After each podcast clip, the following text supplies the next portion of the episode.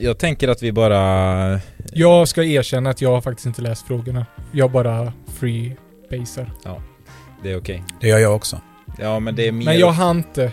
Det... Du, vad pratar du? Du hann inte. hann inte. Jag hann inte Men spara det där nu till Ja. inspelningen. Tillsammans med Ludvig Isaksson, som jobbar som klimat och energistrateg på Skövde kommun, Sari Strömblad, miljöstrateg och Thomas Ekelund, klimatanpassningsstrateg. Ja, många strateger blir det. I, I alla fall, tillsammans med de här kunniga människorna ska jag idag diskutera klimat och klimatanpassning. Ingen har väl missat att vi står inför stora utmaningar när det kommer till just klimatet.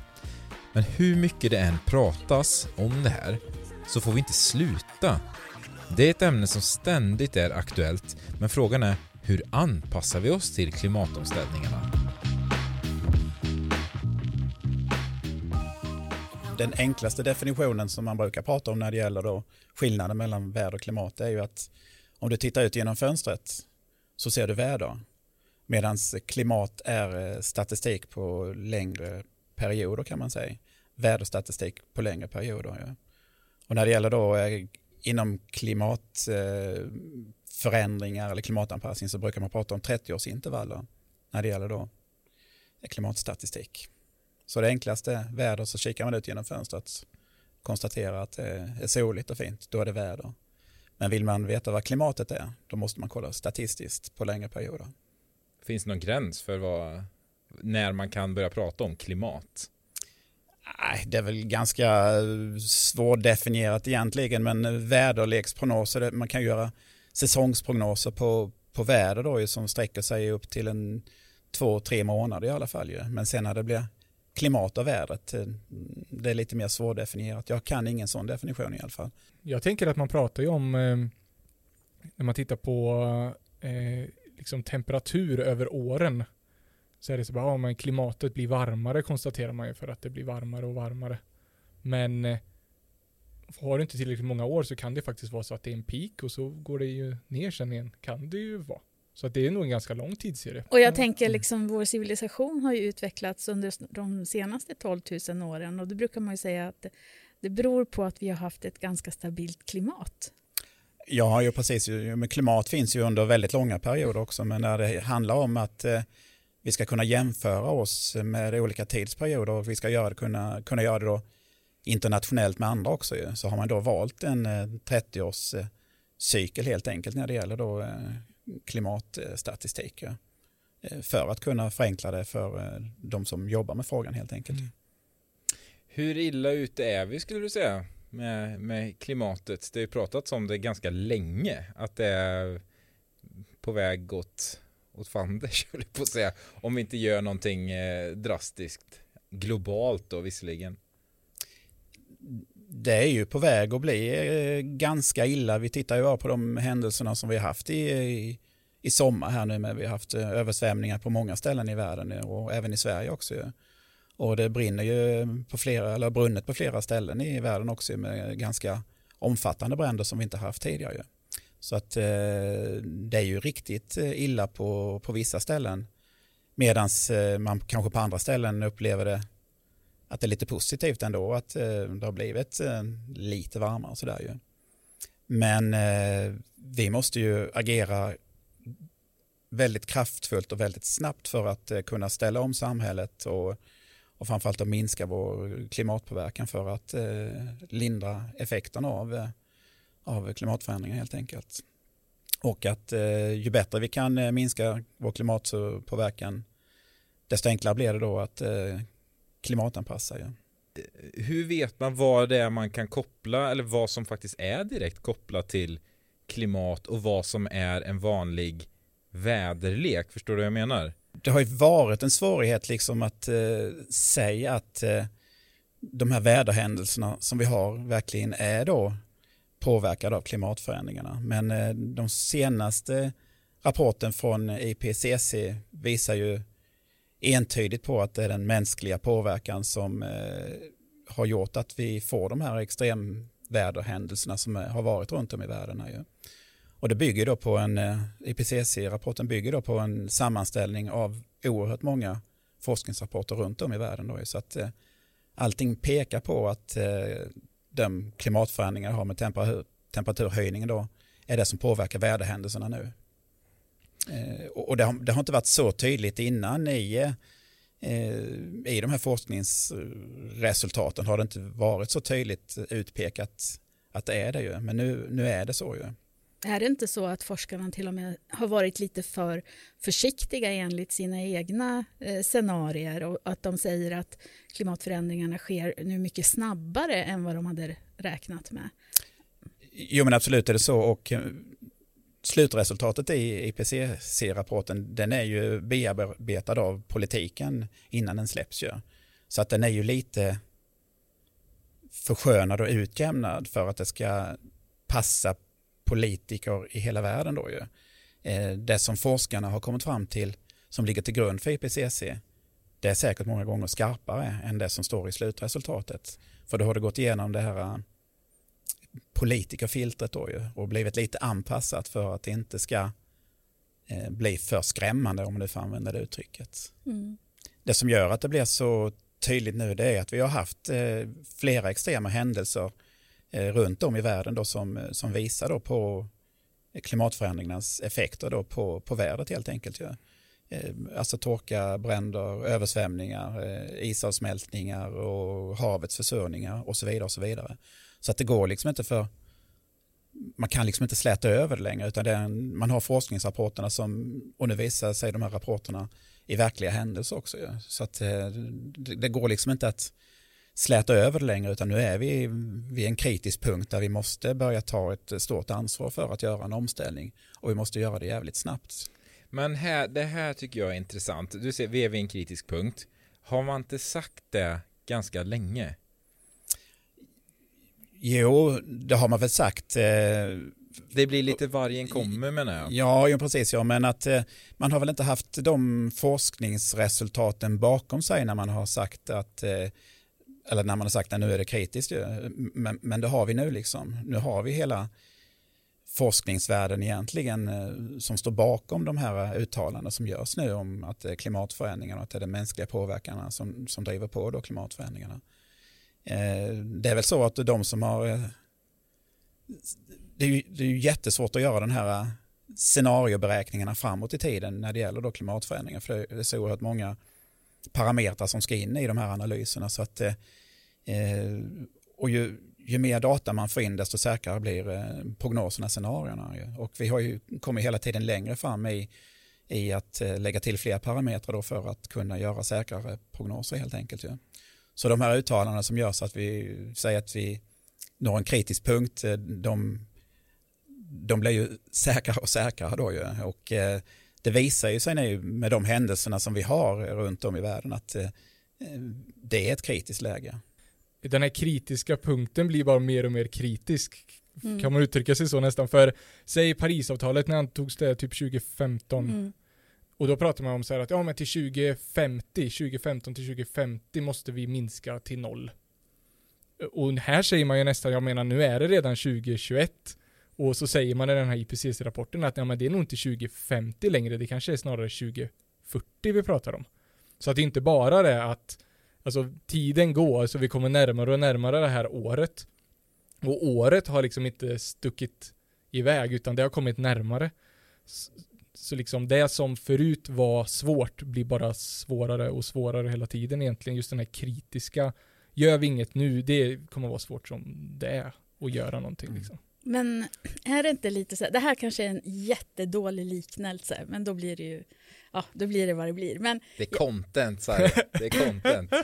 men jag bara tänkte liksom att om man går till doktorn, man mår dåligt och så säger doktorn så här, ja, du måste äta kanske lite bättre, ändra din livsstil, du måste röra på dig lite mer, för jag ser här att du, du har lite anlag för diabetes. Om du inte förbättrar din livsstil så då, då kommer det att komma en massa andra otrevliga effekter här framöver i, i ditt liv. Uh, och så kanske man bara, ja men det går ju, det funkar, och så kör man liksom på. Men till slut har man ju nått en punkt där det blir diabetes alltså, och man behöver medicinering och så har du större risk för hjärtinfarkt och stroke och sådär. Men jag menar, man har ju vetat om det här hela tiden. Men ju närmare man kommer den där punkten, desto mindre tid har man ju att göra någonting åt det, att förebygga det. Och jag tycker, jag tycker den parallellen var bra. Och, när, och när det väl liksom är så att, ja, nu har du diabetes, då är det ju så här, ja men socker, Ja, då, inget nej. liksom. Och så Mm. där är vi ju snart, att det är så här att, ja men, ja imorgon då är det tack och hej koldioxid. Per Bolund var med i Nyhetsmorgon häromdagen, språkrör för Miljöpartiet. Han sa, han ville ha ett fast datum för att nu är det slut på fossila bränslen. Är det rimligt? Och i så fall, vad är problemet? Varför kan vi inte sätta ett sånt datum? Jag förstår att liksom, vi pratar ju om miljarder kronor och dollar och alla valutor. Men på något sätt så måste väl ändå världen, jorden komma i första hand. Visst, det, allra bästa hade varit att sätta ett eh, datum, men att det finns ju så starka motkrafter mot det här då som eh, har väldigt mycket eh, insatta pengar och risker då i att vi fortfarande ska köra på som vanligt med förbrukning av olja och så vidare då som motarbetar lite grann det som IPCC har kommit fram till. Eh, och eh, det är ju en oerhört stor svårighet att eh, ena världen i att fatta ett sånt här beslut. Ju.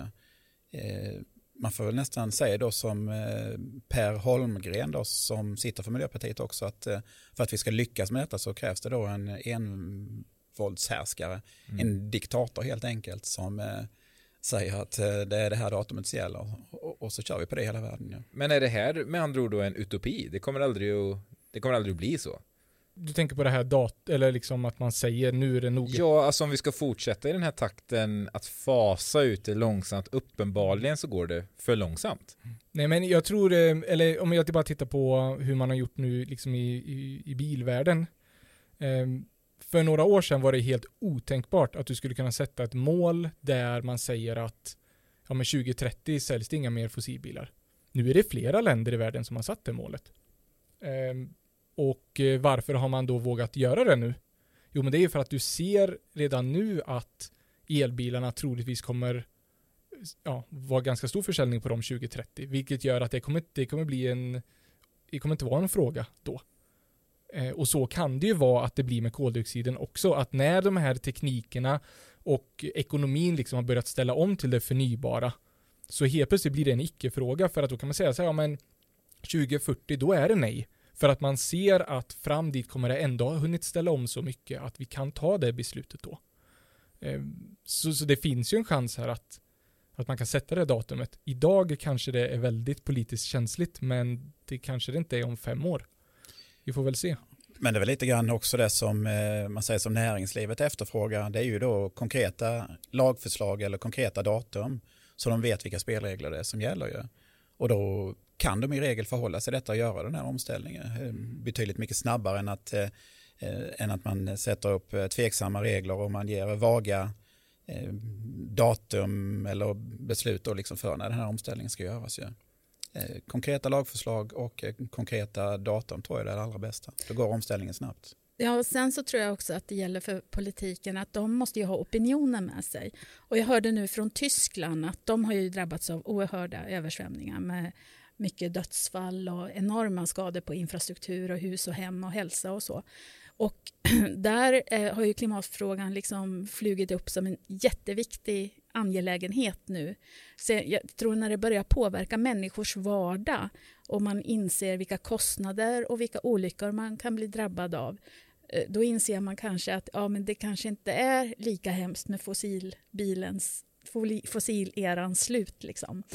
Jag kanske får byta bränsle till min bil. Det, det, det kanske är kostnaden därför att det kostar mycket mer att drabbas av de här klimatförändringarna. Och det leder mig in på ytterligare en sak för jag är inte säker på att alla lyssnare är med, eh, medvetna om skillnaden mellan klimatutsläpp och klimatförändringar.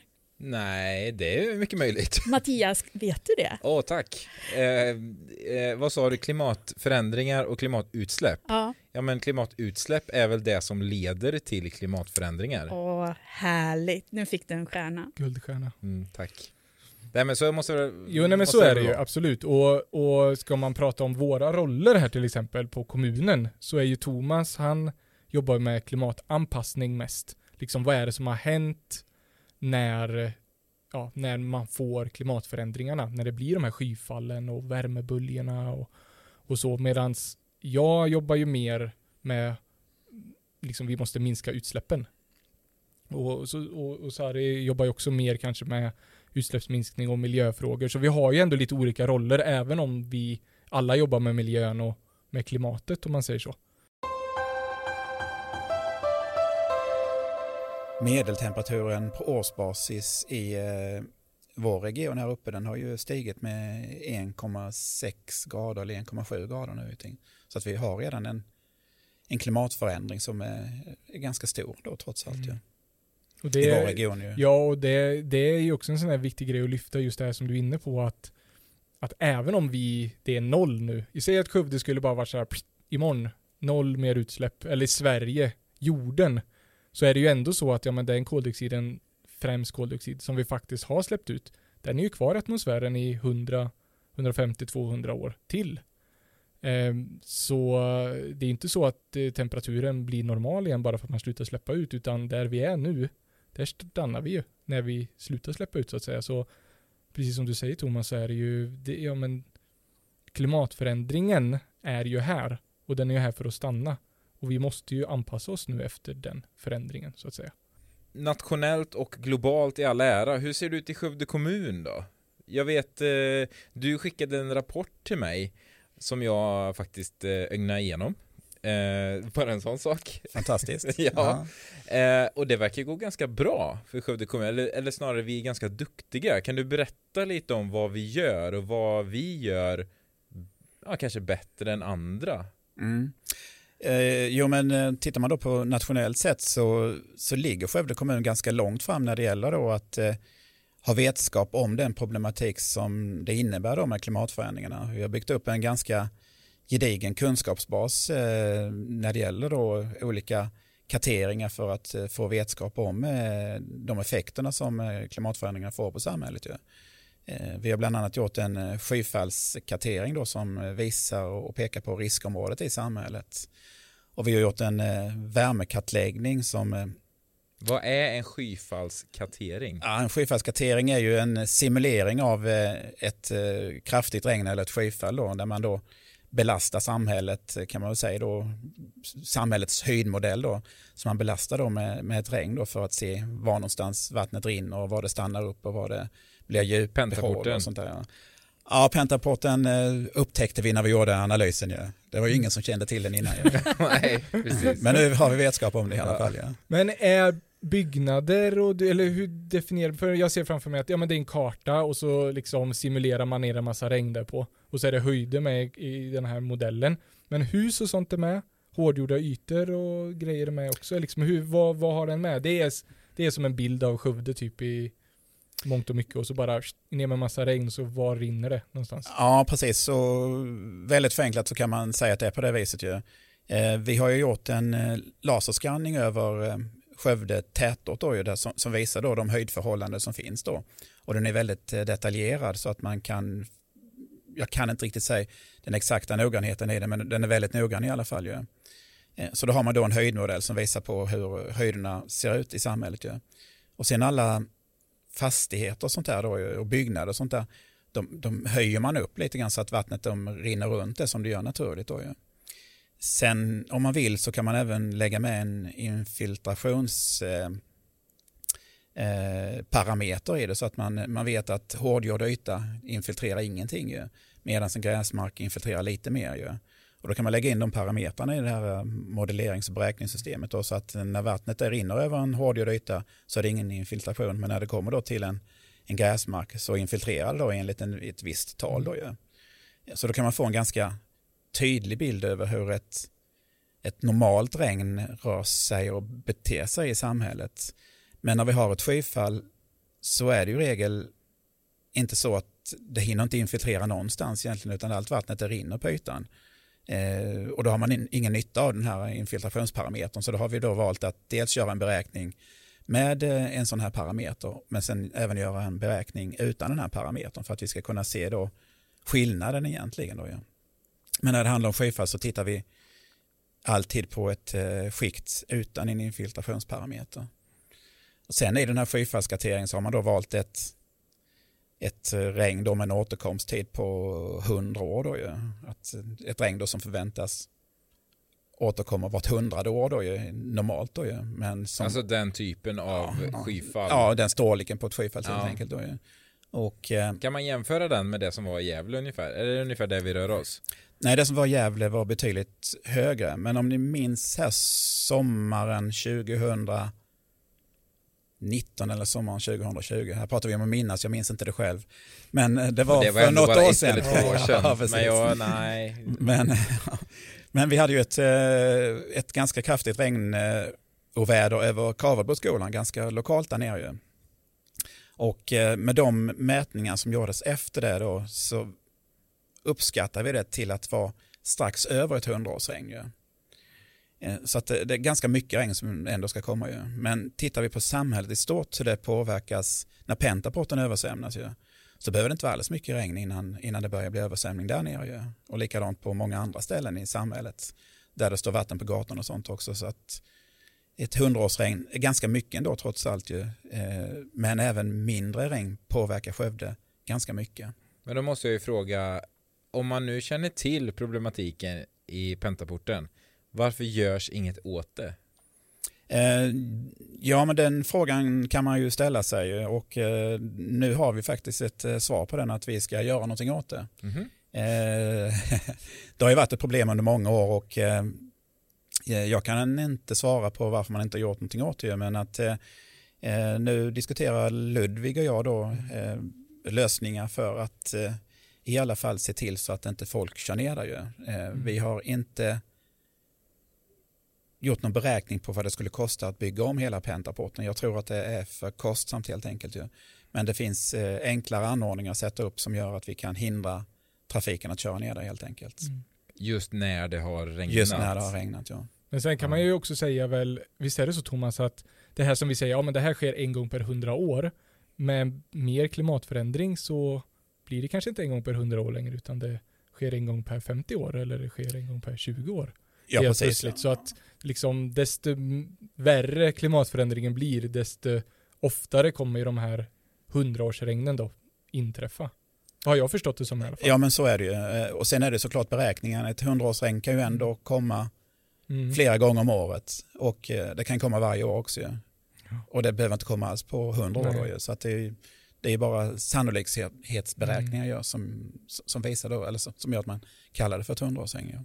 Vad har vi gjort mer då i kommunen? Vi, vi kan ju inte bara ha gjort, eller bara, jag förstår att det är väldigt avancerat, men eh, den här, eh, vad var det du kallade det? Regn? Ja, vi har gjort en skyfallskartering. Ja, men vi måste ha gjort mer. Jag menar, vi hade ju klättrat från, ja, vilken plats var det tidigare mätning upp till liksom 3, 4 nu? Ja, nej, jag kommer inte ihåg hur det var tidigare, men, nej, men vi har gjort väldigt mycket och inte bara det, utan de här underlagen som vi har tagit fram, det är ju väl med det ju, men sen är det ju så att eh, vi använder ju de här planeringsunderlagen i, i vårt dagliga arbete kan man säga, då, i all då samhällsexploatering. Så tittar man då på skyfallskartering, man tittar då på värmekartläggning och tar hänsyn till de resultaten som visas där ju. Så att vi håller ju hela tiden på utifrån de här karteringarna att eh, göra anpassningar numera. Ju. Eh, nu är det kanske inte någonting som syns direkt för att det är en ganska lång process att eh, ta fram en detaljplan. Men att eh, det byggs eh, små anläggningar lite här och var. Då, ju. Vad då för typ av anläggningar? Ja, det kan vara en, eh, en fördröjningsdamm, det kan vara en infiltrationsyta som vi sparar. Eh, och det kan vara infiltrationsmagasin under marken som inte syns ovan jord helt enkelt. Så att det, eh, det är många sådana mindre, mindre anläggningar som byggs då för att kunna ta hand om dagvattnet. Är det just vatten och regn som är det, det största liksom hotet mot oss när det kommer till... Och värme. Ja, det är det jag menar. Mm. Är det liksom... Eh... Värme, torka och bränder är ju andra hot då. Ja, det är det jag menar, men vi har pratat så mycket om regn nu. Mm. Ja, precis. Nej, men det är väl värme också Thomas och just det här, då pratar man väl dels om torkan, alltså långvarig värme, men också de här värmebuljorna där det under en kort period blir väldigt varmt. Absolut är det så. Ett samhälle som Skövde som ligger som en inlandssamhälle där vi har inte eh, någon kust och vi bor inte det ligger inte nära Vänern eller Vättern och sånt. Där är de stora problemen då, det är ju sjöfall och eh, framförallt då värmebölja då och sen då eh, som Sari sa då torka kopplat till värme då. Ja. Eh, men när det gäller kostnader för samhället så är det då eh, hanteringen av vattnet i samhället som är den stora kostnaden. Och då har det blivit den här lite större frågan att hantera också.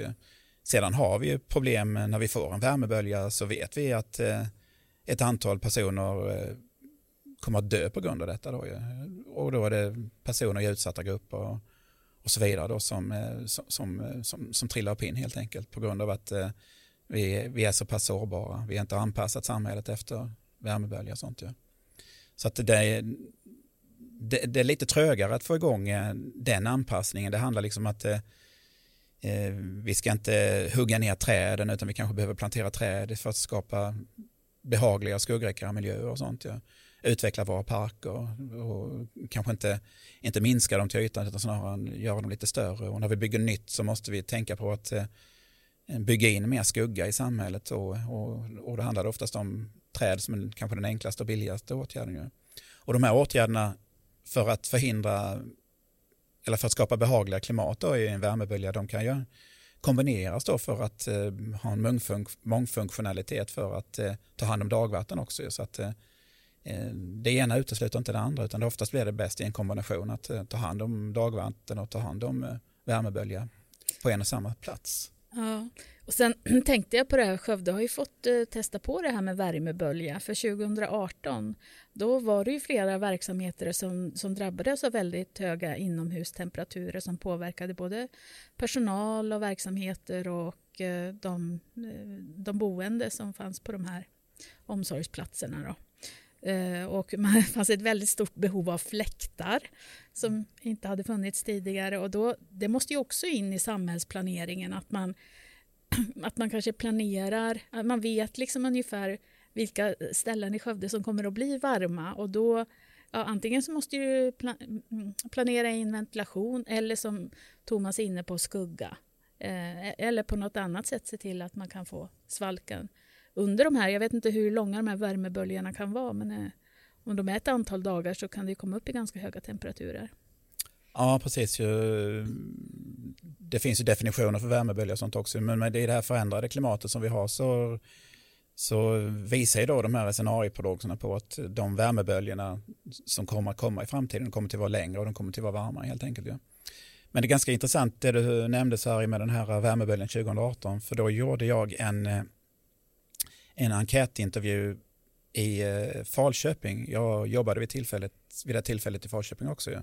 Så jag gick ut och frågade de olika verksamheterna hur de hade upplevt den här eh, värmeböljan och vad det var som de tyckte var jobbigt. Ju. Och som Sari sa så var det då att det blir varmt inomhus och, och så vidare. Ju.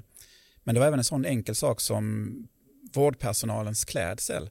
Att eh, vid en sån här kraftig värmebölja så var materialet helt enkelt för tjockt.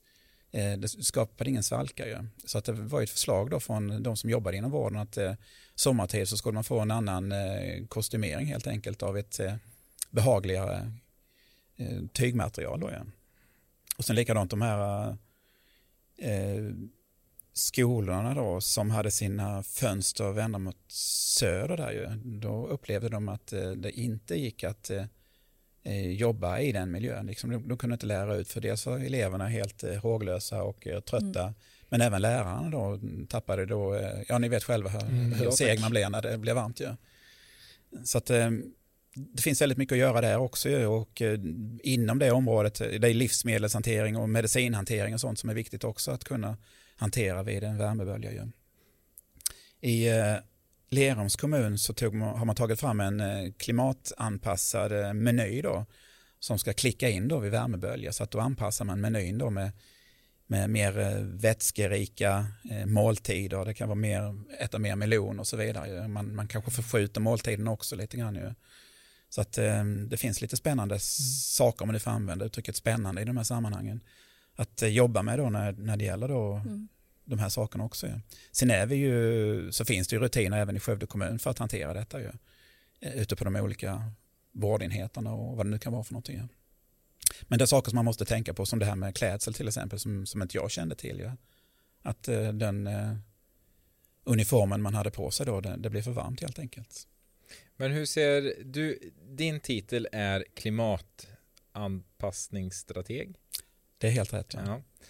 Hur ser din, dina samarbetsytor ut gentemot övriga ja, men sektorer och eh, i kommunen? Jag tänker på sådana här grejer som då du får reda på. Finns det ytor för dig där du kan ta det här med de som bestämmer över eh, vårdpersonalens kläder till exempel? Eller hur, hur för du vidare ett förslag om hur ni ska arbeta med pentaporten? Hur, om du eh, har identifierat att ja, men det här kommer inte klara av hundraårsregn. hundra års regn. Hur får du igenom dina tankar och idéer i verksamheten?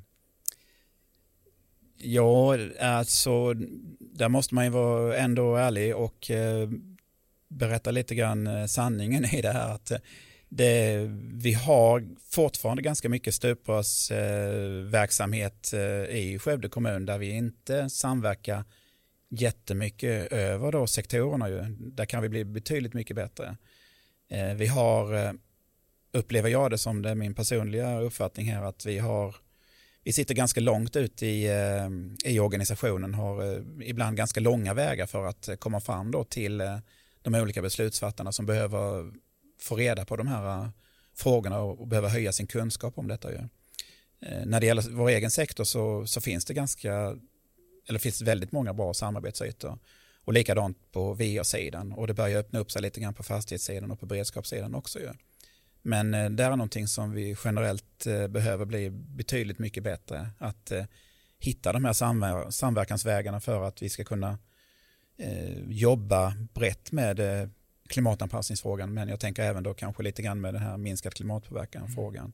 Mm. Att vi Ja, behöver... men jag, jag stämmer ja. i där för eh, det finns mycket vilja men eh, vi måste hitta de här vägarna och det gäller ju även min och, min och Saris frågor. Mm. Helt klart. Det är ingenting som man gör själv. Det kan inte vara sådär att ja men det fixar klimatanpassningsstrategen utan Thomas han sitter på kunskapen men han är inte utföraren av själva förändringen i verksamheten sen utan det måste ju vara ute i själva verksamheten Mm. som det sker. Och, Man måste jobba med frågorna både strategiskt och organiskt skulle man kunna säga. Och jag skulle vilja säga en sak till att det är inte bara intern samverkan utan jag tror att extern samverkan kommer att bli också ännu viktigare som 2018 år då som ett exempel igen när det var sån torka så att inte bönderna fick tillräckligt med foder Eh, till sina djur. Alltså det var ju riktigt kris. Man fick ju nödslakta för, ja, och med ekonomiska konsekvenser och annat lidande då för, för lantbruket. Men eh, jag vet att då, då slog ju vi vallar och då kunde vi på våra kommunägda marker och kunde erbjuda en del foder, kanske inte av lika bra kvalitet men ändå liksom att vi behöver hjälpas åt på det här sättet, att det måste ske. Vi, ja, det visar ju verkligen att ensam inte är stark utan vi måste verkligen jobba ihop i den här frågan. Jag vill ändå säga att vi har väldigt, väldigt många medarbetare som har fantastiskt stor kunskap på de här frågorna som jobbar oerhört eh, bra med dem. Ju. Eh, Men att vi behöver bli bättre att ta hand om all vår kunskap som finns i huset. Ja. Eh, Och hitta samverkansytorna. Ja. Vi har kompetent, kompetent och kunnig personal på alla plan egentligen. Ja. Jag får lite känslan av, och jag, ja, den får jag väl erkänna, mig kanske inkluderad, att man inte tar klimatfrågan på tillräckligt stort allvar. Ni jobbar ju alla tre med klimat och miljö liksom i någon form. Hur upplever ni det och ni som faktiskt jobbar med det? Är det frustrerande eller hur, hur går tankarna kring det? frustrationen är ju jättestor och eh, oron i alla fall hos mig, nu pratar jag ju högst personligt, men det är väl det här att, att vi, vi, vi ser det liksom, för vi jobbar med de här frågorna varje dag. Så vi ser hur mycket som måste göras för att vi ska nå hela vägen fram. Och frustrationen kommer väl lite ifrån att vi, det går inte tillräckligt fort. Vi måste gå snabbare fram. Och, och, och där tror jag att, eh, att det finns eh, ja, att man inte riktigt förstår varandra. Vi vill ju gärna ruscha på det här så fort som möjligt. Att det men här är att, det eh, viktigaste just nu. Ja, liksom. men alltså, för, för vi tror ju verkligen det och vi ser ju verkligen att, att det är jätte, jätteviktigt. Men eh, ehm, i övriga delar av verksamheten och övriga delar av samhället så eh, prioriterar man inte frågan riktigt lika högt. Ehm, av olika anledningar säkert. Men ehm, jag kan tänka mig att därifrån frustrationen kommer en del. Jag hörde det på eh, radion i morse när jag åkte in hit till jobbet att eh, vi då som sitter här tycker att eh, klimatfrågan är den allra, allra viktigaste som ligger, behövde ligga allra högst upp på den politiska agendan. Men eh, den, det är inte så man ser det i Sverige just nu utan det är ju då den eh, problematiken med eh, kriminaliteten och, och, och det som händer i samhället just nu då som är den stora frågan. Och sen kom då vård och omsorg som nummer två och sen tror jag det var klimatet som dök upp på tredje plats där. Ja. Mm. Eh, Och det återspeglar sig såklart Mm. ner i samhället också att eh, på, på vår politiska nivå så, så, så är det kanske då det mest eh, aktuella, de mest aktuella händelserna som påverkar då eh, de politiska besluten som fattas då. Och, eh, nu har det gått några månader sedan som vi hade översvämningarna här och då började det liksom glömmas bort och, och det poppade upp lite skjutningar och lite bombningar och sånt där som får lite högre kommer högre upp på, eh, i tidningarna och så vidare så, så är det de frågorna som tar större plats. Och, och det påverkar allmänheten och politiken ganska mycket, det som händer i närtid. Då, ju. Och sen det som redan har hänt, det tenderar liksom att eh, ganska fort glömmas bort. Ja, men det tänker jag på att jag hörde en mäklare som sa det nu angående översvämningarna i Gävle. Han sa att efterfrågan efter hus med källare hade minskat drastiskt. Folk Ja. tänkte väldigt mycket på att man inte ville köpa ett nytt hus med källare. Men så sa han också med glimten i ögat liksom att men om några månader har de nog glömt bort det. Liksom. Mm. För att ja, vårt minne är kort. Men, och jag kan ju se det, jag har ju jobbat med miljö och klimatfrågan och utbildat mig. Alltså det är ju 30 år sedan jag satt på geologiska institutionen i, i, i Uppsala och liksom förstod det här med klimatförändringarna och blev helt förskräckt. Eh, och klimateffekterna. Eh, men eh, jag tror en, någonting som är till vår nackdel det är att det tar så lång tid att få fram resultat. Det, det, är inte, det, det går inte särskilt snabbt allra oftast utan det, det är ett sånt där segdraget arbete som måste hålla, hålla på och mala och mala. Liksom. Det är lite som när man går upp i vikt.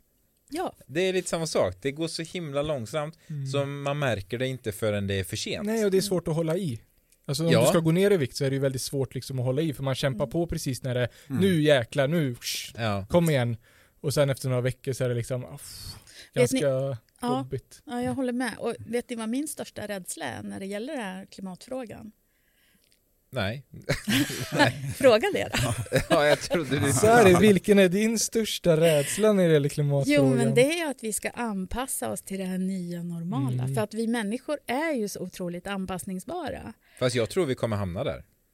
Jag, tro, jag tror inte, för det går väl inte heller Thomas att säga att yes, vi klarade det. Nej, det gör det inte, men det, jag tror också att vi kommer till hamna på den nivån att vi, vi anpassar oss till ganska stor del då, liksom, hellre än att göra det här allra, allra sista då för att eh, Mm. eh, få ner utsläppen så, så, anpassar vi oss nu lite hellre då för att eh, vi förlitar oss på att det kommer tekniska lösningar som kommer till lösa den här problematiken och, och det, gör det det så, så kan vi nog ta det lite lugnt ändå trots allt med att ställa om själva utan att eh, tekniken räddar oss så småningom. Ja.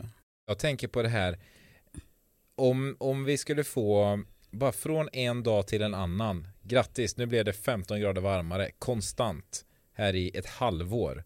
Ja, men då tror jag kanske folk skulle vakna till lite grann. Men vi kommer ju aldrig komma dit, det går så långsamt, det sker så successivt liksom. Så när, när vi, ja nu är ju Thomas och Sari lite äldre än dig och mig Ludvig, men om... Vad menar du med det? Ja, Nej, jag menar undrar på att ni Du är- menar att vi var det? Ja, just det. Det är, det är ren fakta. Eh, nej men om 50 år då kommer vi liksom Vi kommer ju leva i det normala då också.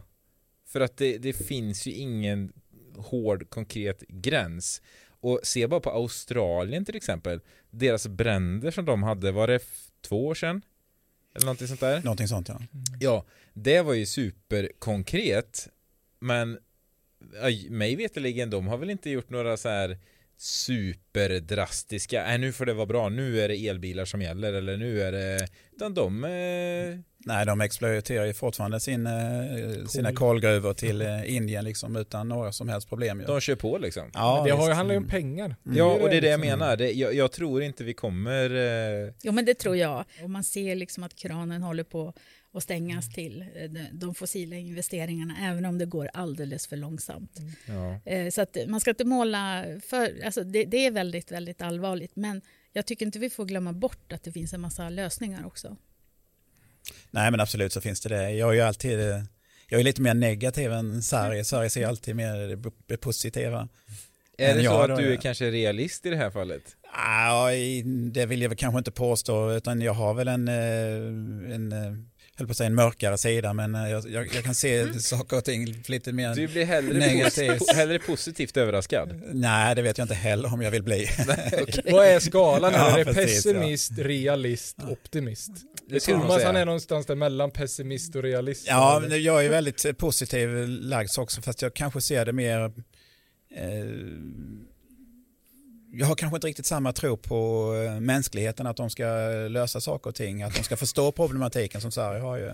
Jag tror inte... Jag tror att det kommer att lösa sig till slut ändå ju, att vi eh, Mänskligheten kommer inte till att gå under ju, men att vi kommer att få det ganska besvärligt. eh, Men är det, det, är det det som är liksom, då har vi löst det, om mänskligheten inte går under? Nej, jag sa att vi inte kommer till hamna där ju, men jag sa inte att det var någon lösning. Men att jag Ja, tror du sa att... att det kommer lösa sig. Ja, det kanske kommer det. Men jag tror i alla fall att eh, innan, vi, innan vi är där så kommer vi få ganska stora problem med att hantera då extremsituationer och sånt också. Sen tror jag ändå att eh, tekniken kommer till att eh, lösa det här. Vi är ju jäkligt eh, anpassningsbara och duktiga då på att eh, kunna ta fram tekniska lösningar när det väl gäller. Ju. Och, bara, titta bara på den här tekniska revolutionen som varit de, sista hundra åren. Liksom. Och, och det accelererar ju bara. Ju. Så att, det kommer nog till bli positivt i slutändan ändå. Även fast jag är negativ. Ju.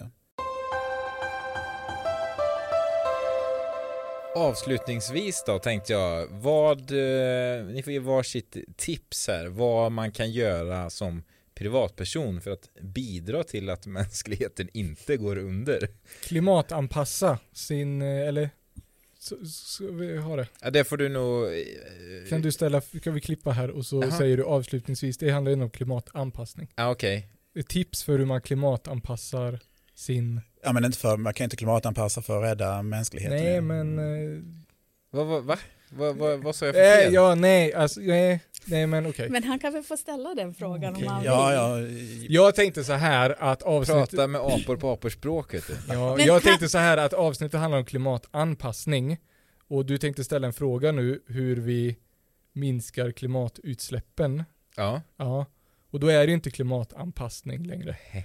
Mitt när du skulle ställa en fråga så tänkte jag så här, nej, nu, det här måste jag säga någonting om. Ja. Men, men när det gäller att klimatanpassa hemma hos sig, den är ju ganska Nej, svår. Ja, okej, men eh, har du någon ins- inspel då? Nej, men jag tycker väl att den frågan som Du tyckte den var bra? Den var relevant att ställa. Ja, men kanske inte, men inte som det. avslutningsfråga. Det som Ludvig säger, avsnittet handlar om klimatanpassning. Ja, Hur vill ni ha frågan nu Ja, men då? då får vi nog ha den, då får vi nog ställa den liksom så att var och en kan svara liksom, hur ska vi klimatanpassa? Ja, okej. Mm. Fast jag tyckte den frågan var bra, den som eh, bästa tipset. Men jag tänker att den har ni redan haft va? Nej men vi säger så här då. Avslutningsvis tänkte jag att vi bara ska skicka med lite tips och tricks vad man kan göra hemma för att klimatanpassa eller bidra till ett bättre klimat. Kan man säga så? Det låter eh, väldigt eh, klokt eh, sagt. Ja, du måste ha läst till någonstans va? Man kan tro det, Ja, men eh, även jag har mina stunder. härligt. Kan inte du börja då? Vad, innan vi trycker på stopp här. När det gäller generellt att eh, klimatanpassa personligen då, så, så handlar det oftast då om att eh, man ser till så att sin fastighet eh, klarar eh, en översvämning eller en värmebölja till exempel. Ju. Och då finns det då olika eh, checklistor man kan använda sig av för då, så man ska kolla sina stuprännor och man ska se till så att avrinningen från huset är bra och, och när det är på väg att bli storm och så vidare så ska man plocka undan sina möbler och sånt. Ja. Eh, för att inte det ska blåsa in på grannens fönster och förstöra. Ja. Eh, Men sen när det gäller samhället i stort, eh, där vi, som är kanske den allra viktigaste frågan så är det då att eh, eh klimatanpassning måste bli en mycket hetare fråga politiskt.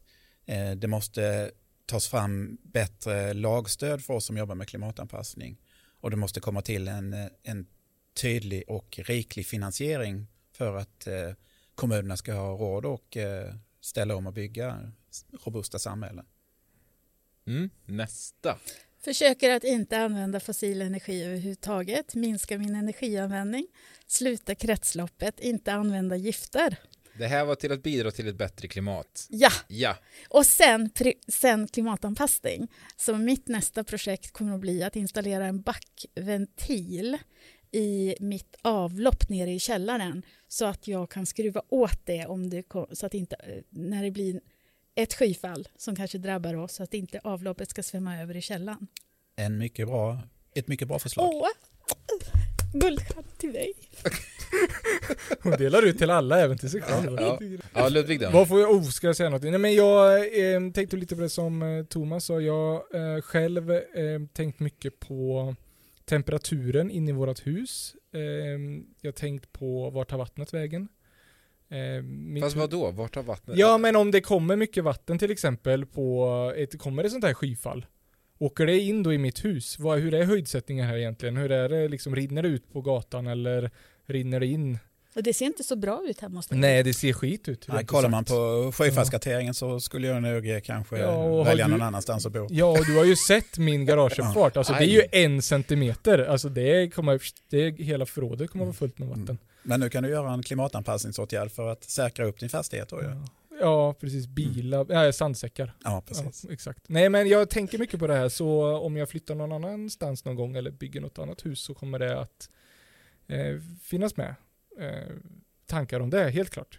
Man, var och en gör så gott man kan. Vad gör du då? Vad gör du Mattias? Nej men jag, nej jag vet inte. Det är därför jag sitter här med er för att få tips och tricks. Jag, Men har du lärt dig någonting då? Ja, bland annat, poletten föll ner här nu precis eh, nyss här. Kan man säga att skruva fast studsmattan i backen, det är att klimatanpassa?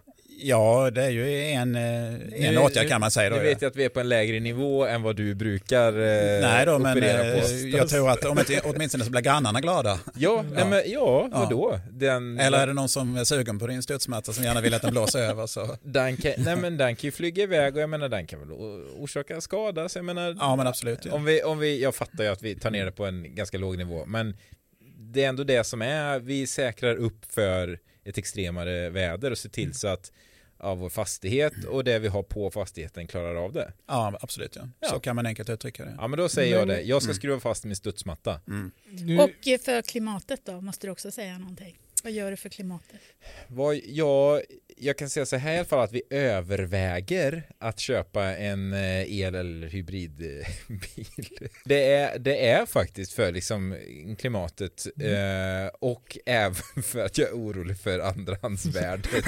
om, liksom, om några var är år. det pengarna? Om Ja, köper- pengarna och klimatet. Ja, Om, men jag, det- köper, om jag köper en ny dieselbil idag, vad, vad kommer hända med den om fem år? Kommer jag, jag inte kunna sälja den då? Det vore det lite skroten surt. bara direkt ut. Nej men jag är, jag är, nej men jag, det här är inte mitt bästa område så det är jättebra att jag får liksom lite kloka insikter här.